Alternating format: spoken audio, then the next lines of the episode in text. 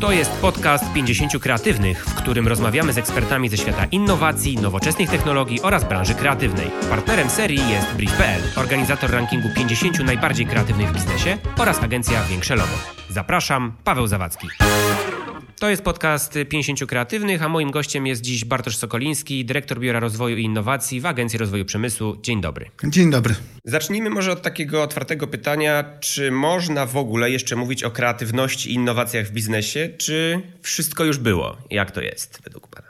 No, takie pytanie pewnie jest zadawane od kilkuset lat, tak? I oczywiście pierwsza odpowiedź jest wszystko już było e, i nic nie należy zrobić, no ale wiemy, że od tych kilkuset lat wszystko się zmienia, tak? I zmienia się e, coraz szybciej, więc e, ja rozumiem, że to jest też taki pomysł na pytanie, bo przecież wiadomo, że nie wszystko było, nie wszystko wiemy, wszystko się zmienia w tempie zawrotnym ciekawe, co się zmieni niedługo. Ja myślę, że i innowacyjność, i kreatywność to są te rzeczy, które są bardzo ważne i będą dalej popychały mm, społeczeństwo i historię naszego życia.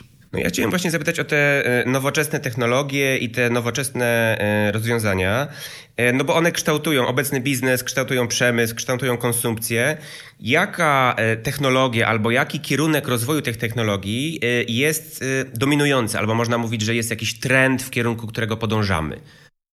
Ja samych Y, trendów, tych określeń trochę się boję, tak? Znaczy, boję się mówić o pewnym trendzie, bo to tak szybko się zmienia. Mogę powiedzieć mm, to, co my robimy z doświadczenia w warpie, tak? Jakimi zajmujemy się sektorami, które naszym zdaniem będą miały w najbliższej przyszłości wpływ na życie. No, mogę też opowiadać o tym, co, czego sam dotykam i z czym sam mam, yy, nazwijmy to, wyzwanie, tak? No to, to oczywiście są wszelkie, wszelkie aplikacje, aplikacje mobilne i telefon komórkowy. To jest coś takiego, y, co właściwie już sobie nie wyobrażamy życia. Tak? Znaczy, ja bym nie potrafił chyba zaparkować w Warszawie samochodu bez telefonu y, komórkowego. Inna rzecz, że samochodem też już prawie nie jeżdżę y, po mieście. To jest kolejny trend, którego się bałem, jak mówiłem powiedzieć.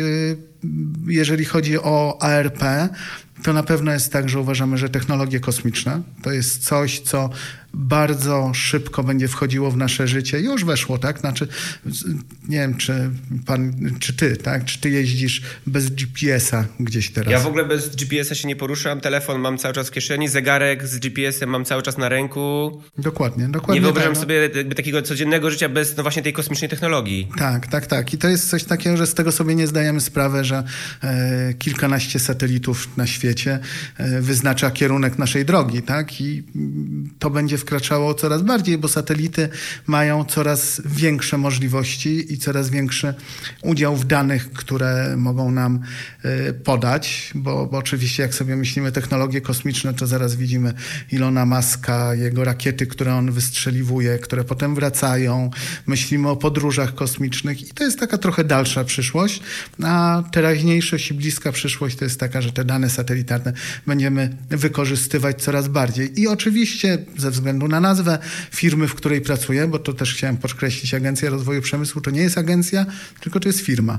Firma, która do powiedzmy trzy lata temu zajmowała się głównie restrukturyzacją, y, dalej się tym zajmujemy, to jest ważny element, ale w tej restrukturyzacji znaleźliśmy coś takiego też, co nazywamy restrukturyzacją rozwojową, czyli staramy się firmy, których jesteśmy właścicielami, a też całego otoczenia, jakby pociągnąć trochę w przód, tak? popchnąć w przód, czyli mm, dać narzędzia, które pozwolą mm, zrobić krok w stronę Industry 4.0, tak? Znaczy e, przemysłu 4.0, co też oczywiście jest słowem kluczem ogranym, bo mm, ja zawsze, zawsze się boję takich rozmów, że wejdziemy w taką papkę, tak? Znaczy będziemy mówili kreatywność, innowacje, e, właśnie przemysł 4.0, robotyzacja i tak dalej, i tak dalej, co jest fajnie, tylko że te, te word bazy nie mają y, takiego mm, aż dużego odniesienia do rzeczywistości. W rzeczywistości to te fabryki trzeba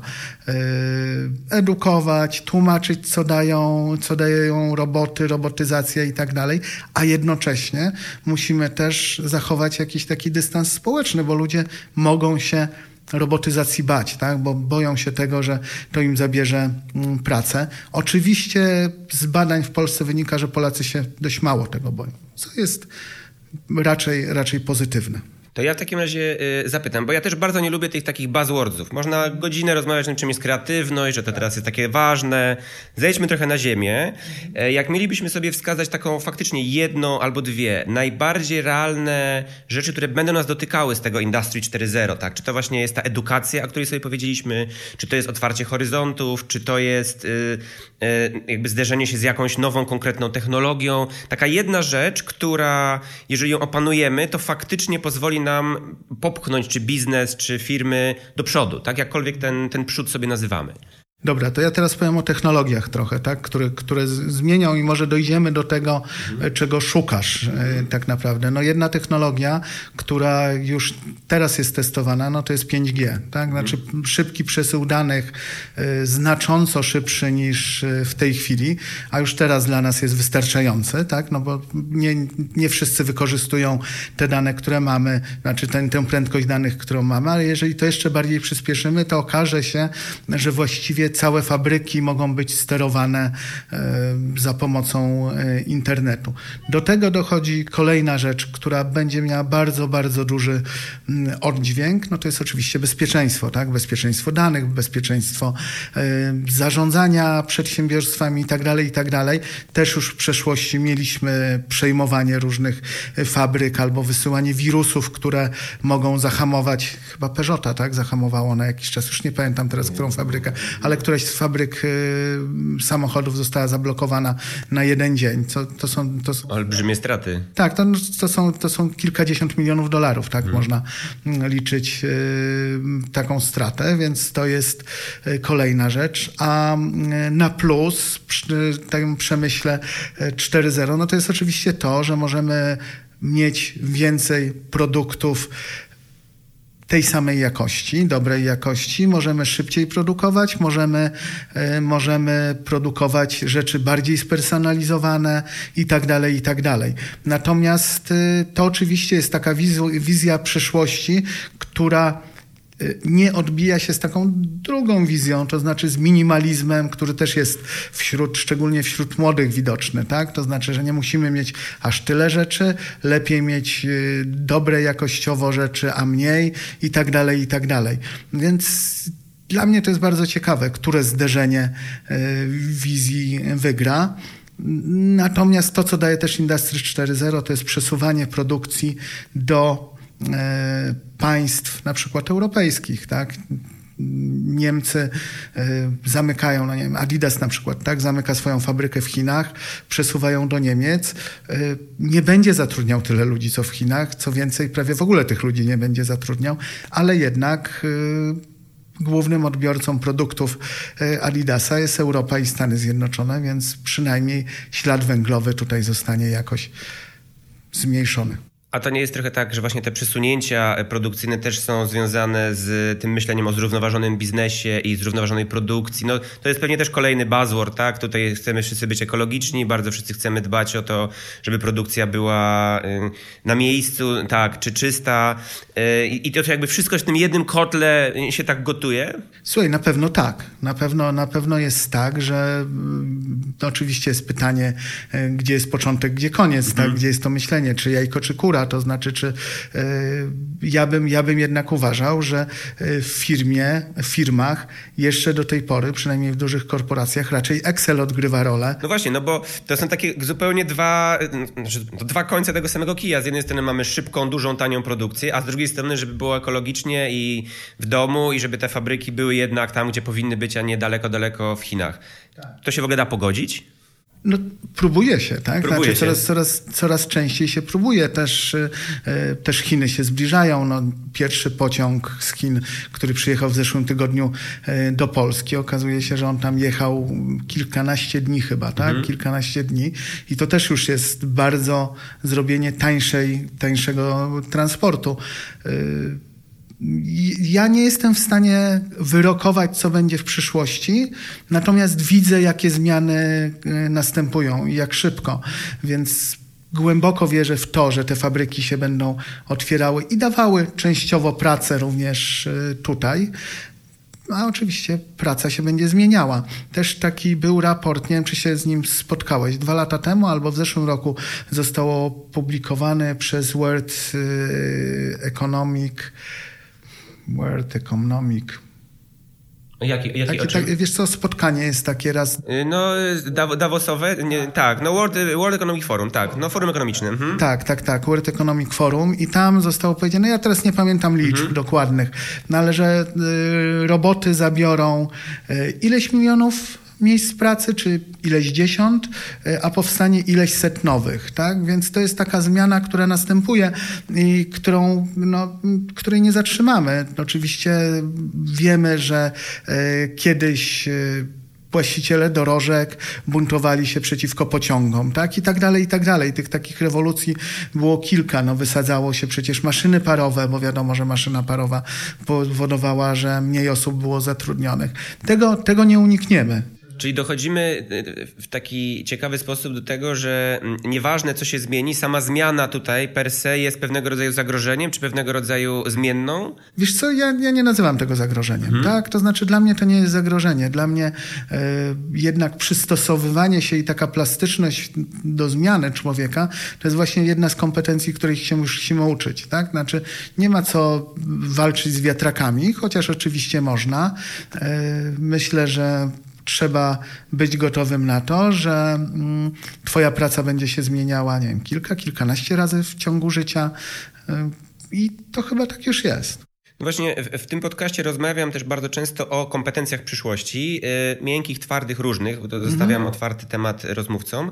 Natomiast bardzo wiele osób wskazuje właśnie tą elastyczność i umiejętność dostosowania się do tego, co się może z dnia na dzień zmienić. Tak? I to może być taka mała technologia, czyli właśnie GPS w samochodzie, czy jakieś aplikacje w smartfonie, ale to może być duża technologia, czyli właśnie automatyzacja w, w całej fabryce. Tak? Więc yy, moje pytanie też naturalne, jaka według Ciebie jest ta kompetencja tendencja przyszłości. Jeżeli już jesteśmy wokół tej elastyczności, to jak byś ją miał położyć pod soczewkę, to jak ta elastyczność powinna mm, wyglądać, żeby można było mówić tak, należy teraz działać, albo w taki sposób należy się teraz uczyć na przykład.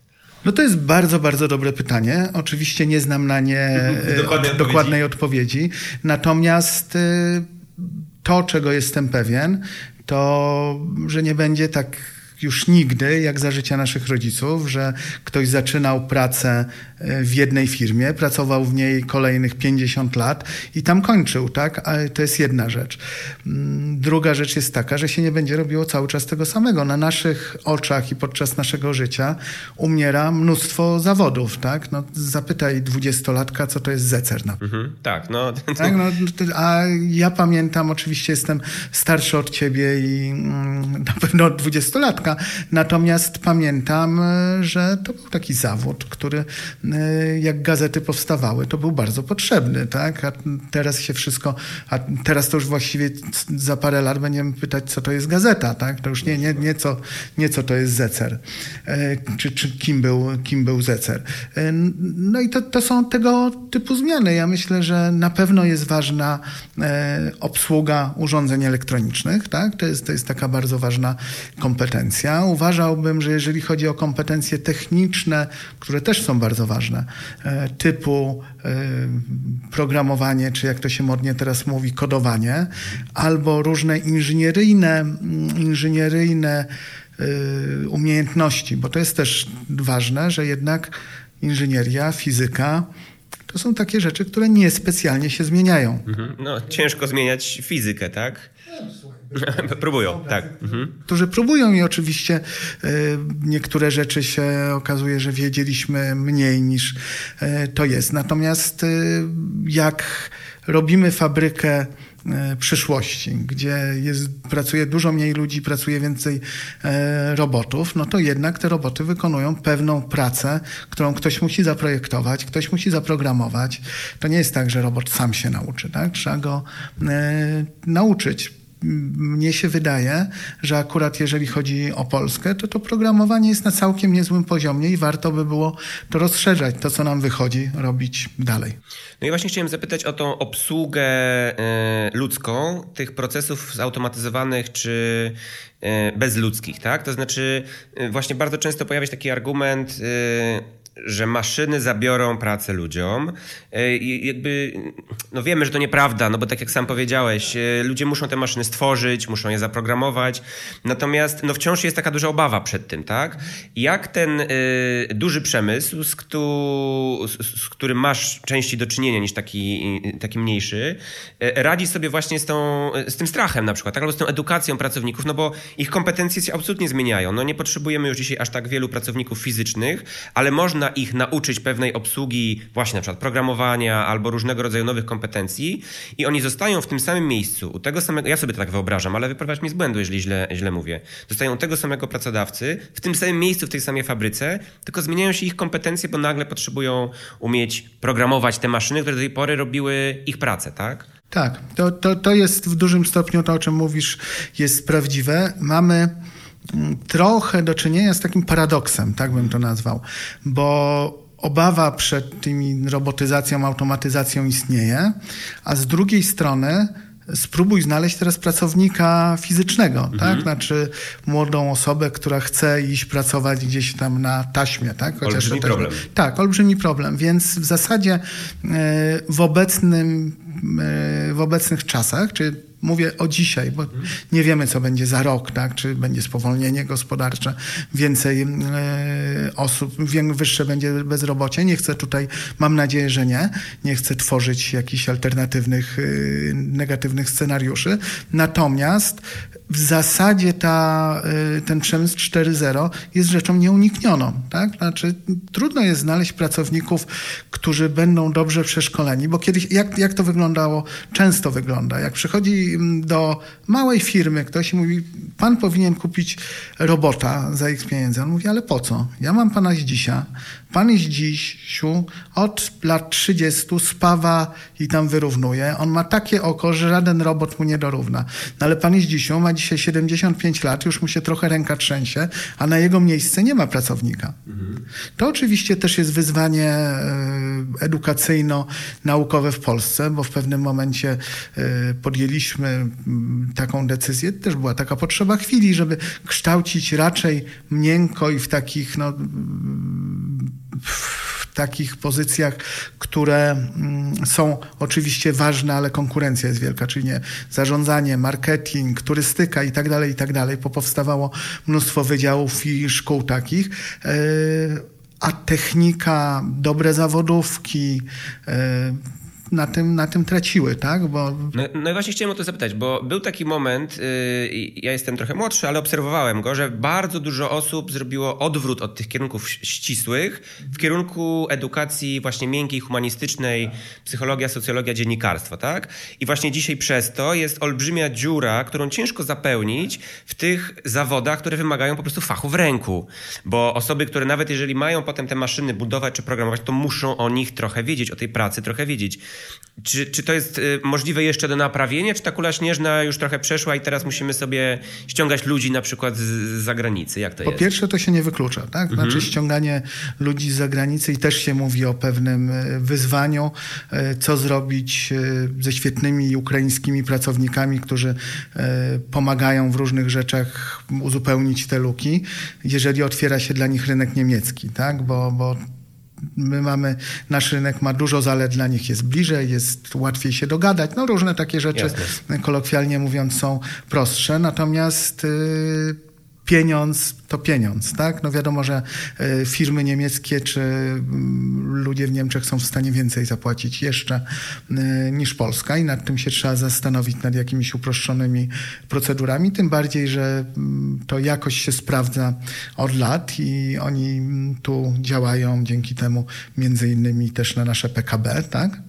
E, natomiast ten, ten, ten ruch, który właśnie powiedziałeś, tak, znaczy, że ja nawet bym to wcześniej zobaczył, znaczy nie socjologia, psychologia, tylko raczej liceum ogólnokształcące, a technikum, tak?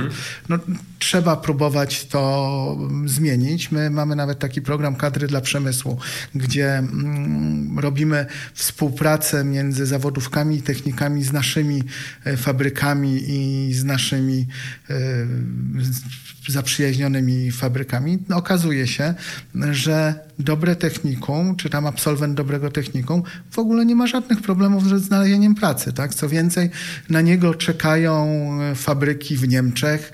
Znam takie jedno technikum przy granicy, tam pojechaliśmy rozmawiać i oni mówią, no bardzo fajnie jest pracować w waszej firmie, ale najlepszych naszych absolwentów przechwytuje Audi, tak? które daje im stypendium e, i tak dalej. Oczywiście bardzo fajnie, dobrze, że się pracownicy kształcą, ale to pokazuje, że ich potrzebnych jest więcej. Ja chciałem zapytać właśnie o te e, projekty czy programy ARP-u, bo widziałem, że macie bardzo szeroką ofertę wsparcia, czy innowacji, biznesu, edukacji. Które działania e, cieszą się największą popularnością albo na które najwięcej stawiacie i dlaczego? Wiesz co, ARP, ja to zawsze ktoś, ktoś już się ze mnie śmiał, że jak to opowiadam, to tak mówię, ARP jest takim y, zaskakującym zwierzęciem, tak? bo jest z jednej strony firmą, a z drugiej strony setką skarbu państwa. Więc y, musimy działać dla zysku, bo po to to, to, jest, to jest właściwie y, główny cel działalności firmy. Y, no ale mamy też swoją misję, tak? Taką misję mm, społeczno-przemysłową nazwałbym to. Najważniejszym działaniem ARP-u ja bym określił jako dwa. Pierwsze nadrzędne to jest finansowanie różnego rodzaju. Jesteśmy mm, taką organizacją, która może dawać finansowanie w postaci długu, może inwestować w firmy. To jest bardzo ważne. Druga rzecz, restrukturyzacja i zarządzanie naszym portfelem spółek. Tych spółek w sumie mamy no, w tej chwili to grubo ponad 100, ale powiedzmy 40 jest takich dobrze funkcjonujących, 70 nieźle. Reszta to sukces przed nimi, ale staramy się pomagać jak możemy i wyciągać e, na powierzchnię. Mm, Trzecia rzecz, którą bym e, tutaj, tutaj określił, no to są te działania, które my robimy, znaczy moje biuro, czyli wsparcie różnych sektorów, e, które my uważamy za innowacyjne i sobie określiliśmy ale też przez e, taki projekt, który mamy, sieć otwartych innowacji. To są pieniądze europejskie dla MŚP-ów w ogóle trochę lepiej, bardziej i więcej czasu poświęcamy dla małych, średnich przedsiębiorstw w tej chwili. Dajemy im pożyczki, a sieć otwartych innowacji to są pieniądze na e, transfer technologii, czyli jak mała, średnia firma chce coś kupić innowacyjnego, ale w postaci wartości niematerialnych i prawnych, tak? Czyli nie wiem, e, innowacyjny software do zarządzania produkcją, albo patent, albo licencję patentu, albo licencję software'u i tak dalej, i tak dalej, to my mamy na to pieniądze mm, i możemy to dofinansować No właśnie o to chciałem zapytać. E, Jakie projekty, czy inicjatywy, czy firmy mają największą szansę zostać przez Was dostrzeżone albo wsparte, tak? To znaczy, gdzie macie ten swój punkt ciężkości i jak te innowacje rozumiecie? To ja najpierw, najpierw e, powiem właśnie o tej sieci otwartych innowacji, bo to jest dla mnie najprostsze, bo tym zarządzam. To znaczy, e, firma, która może dostać dotację, musi być mikro, mała, średnia, a technologia musi być innowacyjna. Co znaczy, że technologia musi być innowacyjna? Jest taki dokument, który opracowała Unia Europejska.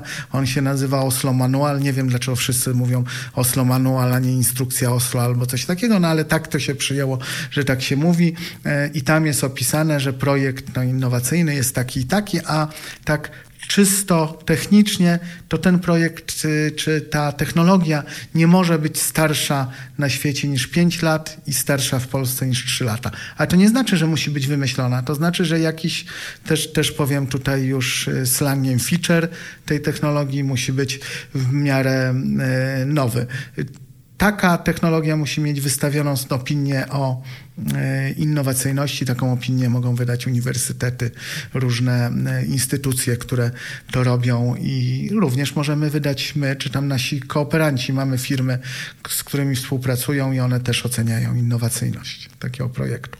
Więc to jest ten, ten obszar y, ze mną związany, ale jest jeszcze druga część tego projektu, czyli dawcy technologii, tak? bo ci to są ci, co kupują. Dawcą technologii może być każdy.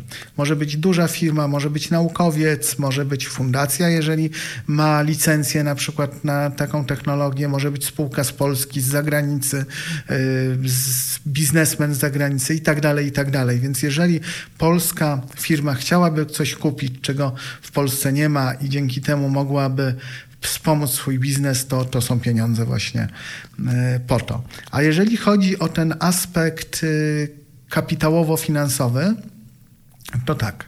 E, pożyczki u nas mogą dostać firmy nie tylko innowacyjne, ale również mikro, małe, średnie, które mają niezły przepraszam za kolejne słowo standing, e, ale my się, czym my się różnimy od banku, tak? Bo no, bank, bank daje e, kredyty, tak? Też, też masz dobry standing, idziesz do banku, dostajesz. My nie możemy dać e, lepszych warunków niż banki, bo to by była nieuzasadniona pomoc publiczna, ale potrafimy albo uczymy mm, się potrafić zastawiać na y, prostszych rzeczach niż banki, tak? Bo dla banku co jest najlepsze według Ciebie? Nieruchomość. No Masz nieruchomość, nieruchomość, ziemia, nieruchomość, tak. Tak jest. No. A my powoli y, uczymy się, jak na wartościach niematerialnych się zastawiać. Mamy taki projekt. Y, Że na wartościach intelektualnych również? Uczymy się tego. To nie jest łatwe, tak? No bo to trzeba wycenić. Y, trzeba w ogóle cała Polska uczy się wartości intelektualnych, tak? Y, patentowania i innych rzeczy.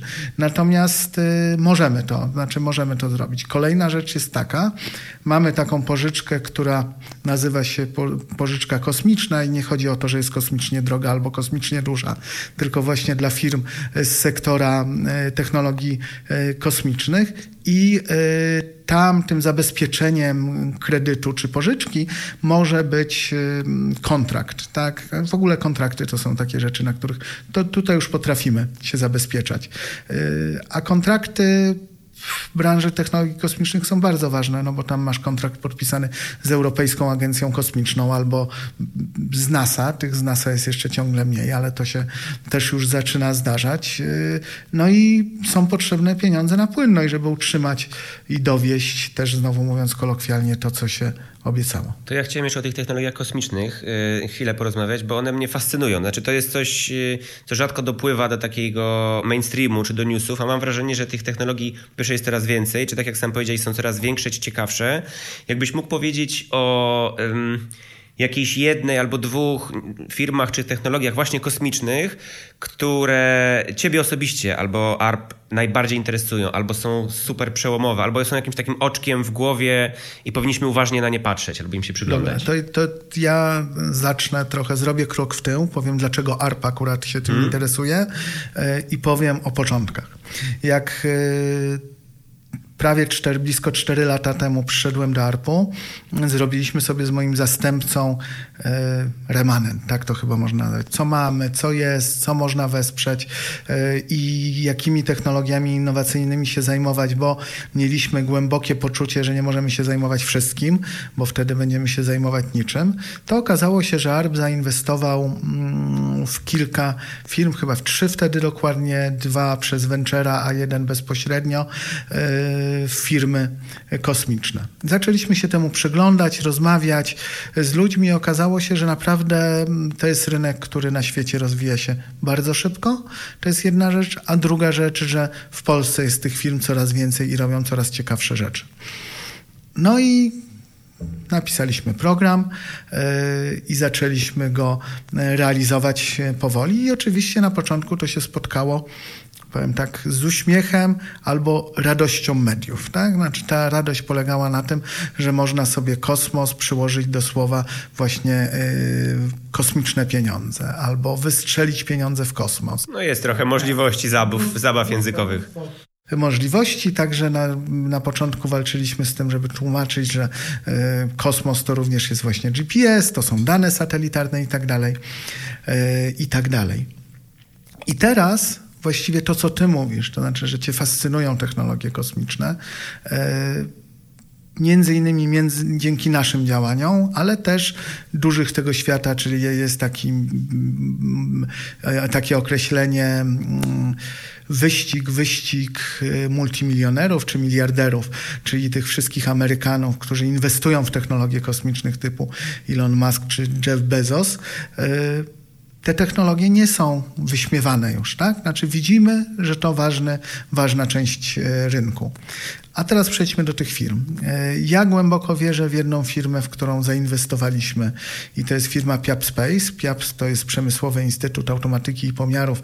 Nie wiem, czy się z nim spotkałeś. To jest bardzo fajny, bardzo fajny instytut, który między innymi z bardzo wielu rzeczy, które robi, robi takie mobilne roboty, trochę, trochę spłaszczę historię do rozbrajania bomb.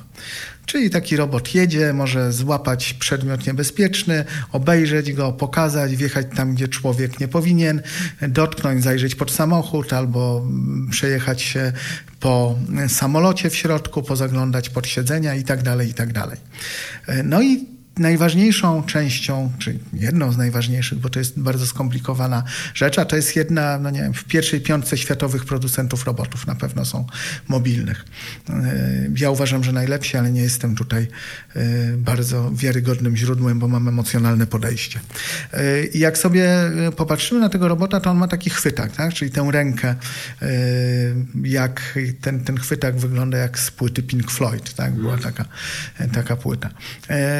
I oni sobie wymyślili, że mają go tak dobrze dopracowanego, że przy rozwoju robotyki kosmicznej, czyli takiego nurtu w kosmosie, który lada chwila y, będzie bardzo ważny, bo tam wystrzelonych jest mnóstwo satelitów, jest mnóstwo śmieci na tej najniższej orbicie, ale i wyższej też sporo jest, bo z wystrzelonych chyba mniej więcej 8,5 tysiąca obiektów, 4,5 jest y, działające, reszta nie, ale satelita też ma swoją żywotność, tak? więc on tam jest y, deorbitowany, powinien być, a czasem nie. No i żeby się pojawiło kolejne miejsce na kolejne satelity, to trzeba je zrobić.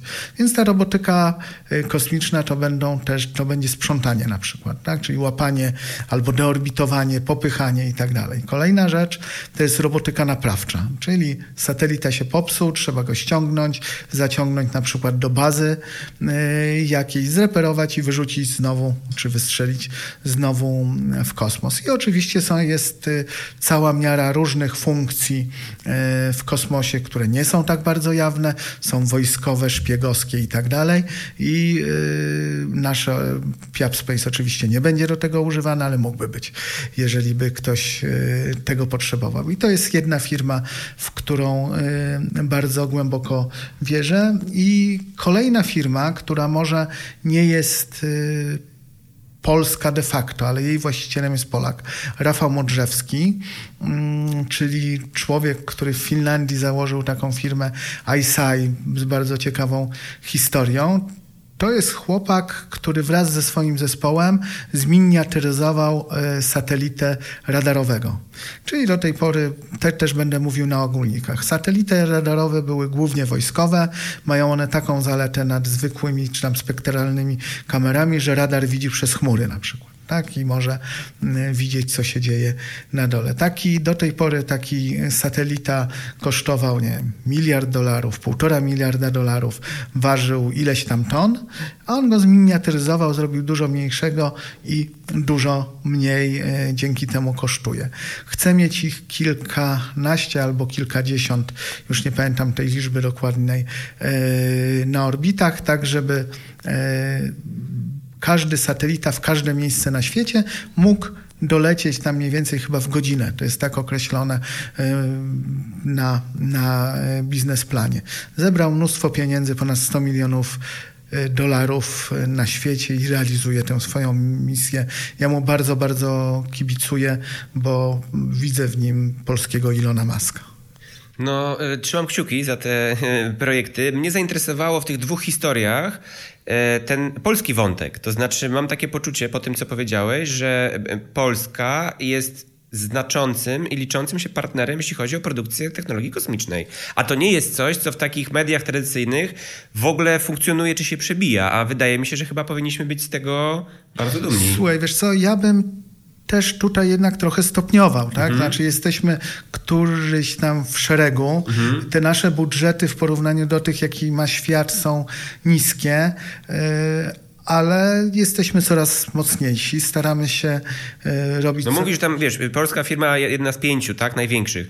No to brzmi kosmicznie, tak? E, I, I, bardzo zachęcająco do tego, żeby obserwować, rozwijać i angażować się w tego typu technologie. No okej, okay. naturalnie tak. To też musimy sobie zdać sprawę, że my teraz mówimy e, o rynku, który w Polsce, jak zaczynaliśmy, to był wart 100 milionów złotych, teraz może jest 300-400. To ciągle jest niewielki rynek. Natomiast bardzo, bardzo yy, przyszłościowy. Ja nie chciałbym, żeby z mojej wypowiedzi zabrzmiało, że jesteśmy liderem. Tak? Znaczy, nie jesteśmy, ale będziemy i na to głęboko liczę. Jest jeszcze firma na przykład Vigo, która nie jest typowo e, kosmiczna. Ona e, produkuje mm, różnego rodzaju elektronikę i czujniki e, fotoniczne, ale są też wykorzystywane przez NASA i to jest też absolutnie mm, genialna firma z genialną technologią. Jak sobie pojeździmy po Polsce i poszukamy, to takich firm jest sporo, tak? Że, które mm, nawet sprzedają większość rzeczy za granicę i my o tym nie wiemy. To co, dobijając do brzegu, y, zapytam o taką jedną rzecz, na którą um, powinniśmy. Może inaczej, bo pytałem już o to. Ja bym chciał troszkę odejść od tego kosmosu, więc tak, tak się tak, tak. Jak, sobie, mhm. jak sobie zamkniemy to, to może tak. E, kosmiczny biznes brzmi kosmicznie, aczkolwiek, tak jak sam powiedziałeś, to jeszcze troszeczkę jest pieśń przyszłości. E, na co e, ARP teraz postawił punkt ciężkości i na co będzie stawiał przez najbliższe 3 lata albo dwa lata, albo rok y, w takim planie y, no, zrównoważonego rozwoju, powiedziałbym, tak? Podczas robienia tego remanentu z Pawłem, moim zastępcą, określiliśmy sobie e, obszary. Te obszary, którymi jesteśmy zainteresowani, e, to jest już, wiemy, technologie kosmiczne. E, to jest szeroko pojęty gaming i gry komputerowe. Mamy nawet założoną trzy lata temu spółkę, która się nazywa e, Arc Games i jest to po prostu akcelerator projektów gamingowych. Tutaj od razu odpowiem, bo to jest pytanie, czy państwo powinno się wtrącać, bo często słyszymy takie, no ale po co? Tak? Ten rynek dobrze działa, mamy dobre firmy i tak dalej, i tak dalej. Ale my sobie rozmawialiśmy z firmami dużymi, może nawet największymi w Polsce i pytaliśmy, jakie problemy mieli na początku. Bo to, co mm, teraz robi, e, nie wiem, Farm 51, CD Projekt i tak dalej, i tak dalej, e, czy CD Projekt, to jest e, robienie też pewnego y, napięcia, które powstaje na dole, tak? Znaczy młodych ludzi, którzy siedzą, programują, chcą stworzyć nowego Wiedźmina albo jakąś inną grę, mają genialny pomysł, ale nie potrafią prowadzić biznesu. Albo y, mogą się gdzieś tam potknąć, a szkoda by było. I po to jest nasz akcelerator, tak? Żeby im pomóc biznesowo, pomóc w ułożeniu tego, co wymyślili. Wydaliśmy teraz pod koniec zeszłego roku dwie gry, więc to też jest e, nasz e, sukces. Kolejny obszar to jest offshore. Offshore, czyli wiatraki, wiatraki morskie i to się wiąże, musimy podjąć jako kraj decyzję, żeby zmieniać powoli nasz miks energetyczny. Mówię powoli, bo szybko się nie da bardzo. I jako, że mamy długą linię brzegową, morza dobrego do mm, wiatraków, ponieważ wieje, stale wieje, może nie tak jak na północnym, ale e, ten wiatr jest e, spokojny i stały i to morze jest płytkie, czyli stosunkowo tańsze niż na przykład, nie wiem, tam wszystkie morza właśnie no, północne już jest głębsze, e, już nie mówię o oceanach, tak, które bywają bardzo, bardzo e, głębokie.